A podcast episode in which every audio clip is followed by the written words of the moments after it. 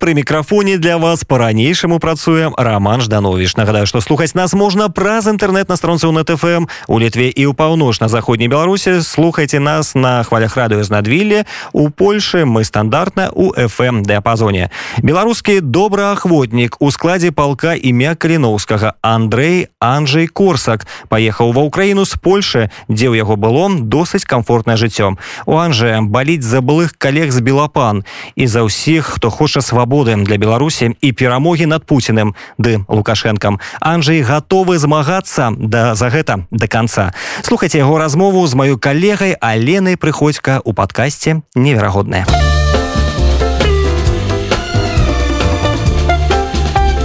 неверагодныя меня зовут Андрей Корсак, мой позывной Анджей. В прошлом я был э, телеоператором на региональных студиях, потом работал в Минске на Белопане. Попал я, можно сказать, что случайно на телевидении, но на самом деле оказалось ничего страшного, потому что на телевидении на самом деле людей случайных профессий, случайного образования там полно. Там работают люди, которые в это дело влюблены, как правило. Попал я туда случайно. Я работал за пультом выпускающим. И как-то подменил оператора, и мне так понравилась эта работа, и вроде мои работы остались довольны, что я пошел вот по этой вот дорожке. Поработал в Полоцке, в Новополоцке, потом пригласили в Минск меня на Белопан. Я работал на Белопане, и я хочу в этой связи сказать следующее, что скоро, 6 числа, начинается суд по делу моих бывших коллег. Это Андрей Александров, с которым мы работали еще в Новополоске, а поймались потом на Белопане. Дима Новожилов, с которым я успел поработать на ОРТ, на белорусском его представительстве. Ирина Левшина, наш редактор, с которым мы еще были соседями. И я хочу сказать всему этому составу суда вспомнить, что существует такая вещь, как справедливость. И мы вам это обязательно докажем. Калі і праз якія абставіны вы скончылі там працаваць і сколькі часу вы там попрацавалі працавал я там недолго где-то полтора года там уже уже тогда начиналось это был наверное 15 год уже тогда там начиналось такое давление на белопан да и как и на все сми впрочем тяжело стало с финансированием не смогли они держать в штате трех операторов нас там было трое я пошел искать другую э, другую работу. Дело в том, что после Белопана я не мог устроиться в Беларуси даже грузчиком. Ездил в Россию, работал там потом когда открылась Польша переехал в Польшу. Вот собственно вся моя история. Калі беларусі у двадцатым годзе пачаліся пратэсты увесь вось гэты рух. Як вы гэта ўспрынялі? Ці поверылі вы ў тое что у беларусаў штосьці атрымаецца увогуле як вы переживали гэтыя падзеі? 9 числа когда я приехал к посольству нет я приезжал туда еще и раньше на митинге это был наверное первый раз когда я на митинг приехал ну, как участник, а не как оператор. Так-то митинги не приходилось снимать в Беларуси много. И оппозиционных в том числе. Да в основном оппозиционных. Как воспринял? Ну, конечно, все мы надеялись на победу, но получилось так, как получилось. Об этом горько вспоминать на самом деле. Но я вспоминаю эту Стеллу, которую я видел только через интернет. И я хочу увидеть ее вживую еще раз обязательно. И я думаю, что у нас получится. Эти все люди, которые тогда выходили, а это был только Минск, а там очень много других городов и вёсок. Мы точно знаем, что там есть люди, которые нас ждут, и их больше. Насколько я разумею, у вас у Польши было ну, больше, меньше уже организованное жыццё, побыт. Чем вы там займались? Ну, хотя бы в уголе. Насколько ваша профессия была повязана с войсковой справой идти в уголе с этим напрамком? Абсолютно никак.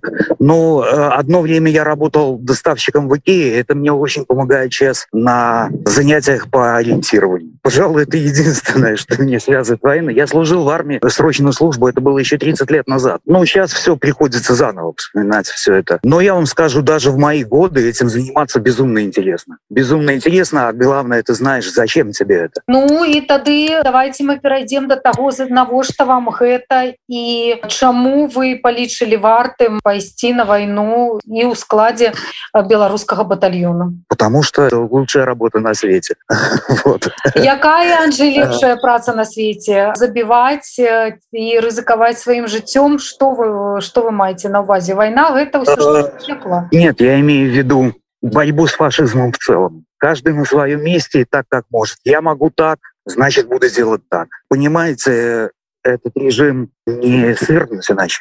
Это надо очень четко понимать. Против нас бандиты, отморозки, которым нечего терять. По всем законам они себе намотали уже по несколько смертных приговоров только так.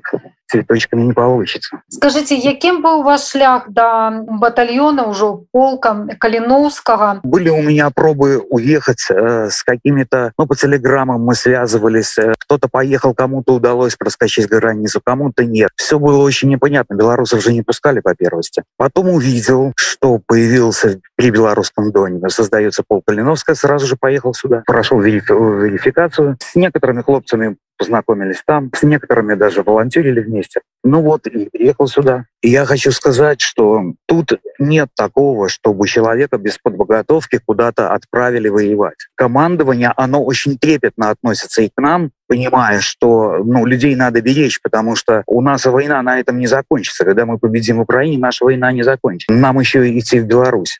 И уровень подготовки здесь очень высокий для того, чтобы сберечь людей. Наши хлопцы недавно, те, которые находятся на передке, выбили орков из деревни, отминусовали 30 особей и еще трех взяли в плен. Э, без потерь со своей стороны. Это говорит о том, какой уровень подготовки начальство требует от тех, кто попадает на передок. Поэтому занятия здесь очень плотные. Ну и какие-то новые специальности приходится осваивать. Тут уже ну, сбиваются такие по специальностям группы, у которых ну, особая задача. Работа с техникой там какой-то военной и так далее. Здесь настолько разношерстный коллектив. Здесь есть айтишники, здесь есть сварщики, здесь есть преподаватели, студенты, музыканты, кто угодно. Здесь каждому найдется дело. То, в чем он хорош, это обязательно увидит и найдут ему соответствующее занятие. Як складваюцца стасункі паміж людзьмі тому что вось як вы сказали люди розныя гэта і розныя ўзросты розны ўзровень развіцця і увогуле там цікавасці то бок гэта ўсё ж таки калектыў досыць вялікі мужчынскі калектыў як вы на налажваеце камунікацыі як вы выражаете ну, конфликтные да. ситуации? Ну я должен сказать что конфликтов у нас практически не бывает Если какие-то конфликты случаются, это решается только диалогом. Отношения, как вот сказал один мой побратим недавно, здесь уровень светлых людей просто зашкаливает. Здесь все люди светлые, практически все. Это люди, среди которых э, тебе самому хочется стать лучше. Это свободные люди, настоящие и храбрые. Что вы называете светлые люди? Вот что вы укладаете у гэтае понятие? Як вы адрозніваете светлага человека? Это, это когда когда человек внутри себя сам для себя твердо знает на какой он стороне стоит на стороне света или на темной бойцы каліноўцы не аднойчы заяўлялі і вось вы таксама гэтую тэзу сёння подтвердзілі аб тым что войной ва ўкраіне вызваленнем толькі украины ад захопнікаў не абыдзецца. Каліноўцы настроены рашуча яны настроены ісці вызваляць Беларусь. Але ж ўсё ж таки ну сіла аднаго батальёну нават калі вы там станете полкам там ужо не толькі по назве а можа там і по колькасці людзей. Ну гэта же ўсё ж таки недастаткова трэба яшчэ там супрацца с пэўнымі палітычнымі сіламі там грамадскімі установамі. Ну то бок гэтыя заявы яны маюць под сабой вось і такі подмурак таксама. Я маю на увазе вось гэтую подрыхтовку это общая работа общая задача и общая цель. Я думаю что у командования есть план на этот чем в котором дело найдется для каждого и тех организаций которые работают здесь за границей и тех которые работают внутри страны.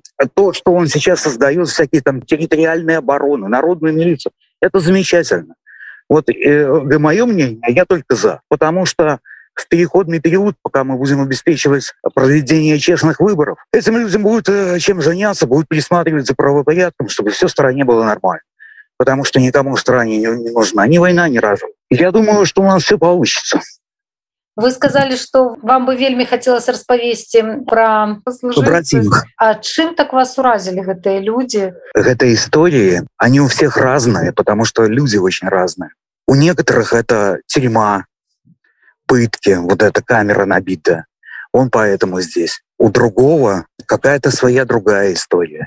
Некоторые перешли границу нелегально. Таких мы называем туристами. Есть гастарбайтеры, вот э, категория, к которой я отношусь, которые приехали из-за границы. Есть армейские. Там и бывшие милиционеры, и бывшие силовики. Некоторые даже, которые через Афган прошли. И у каждого есть история о том, о той дороге, которая привела его на войну. Некоторые не общаются со своими близкими, со своими родителями, а некоторые приезжают сюда с детьми. Я просто закаханы у этих людей. Это настоящие воины света. Я так считаю. Для меня вот большая честь рядом с ним находиться.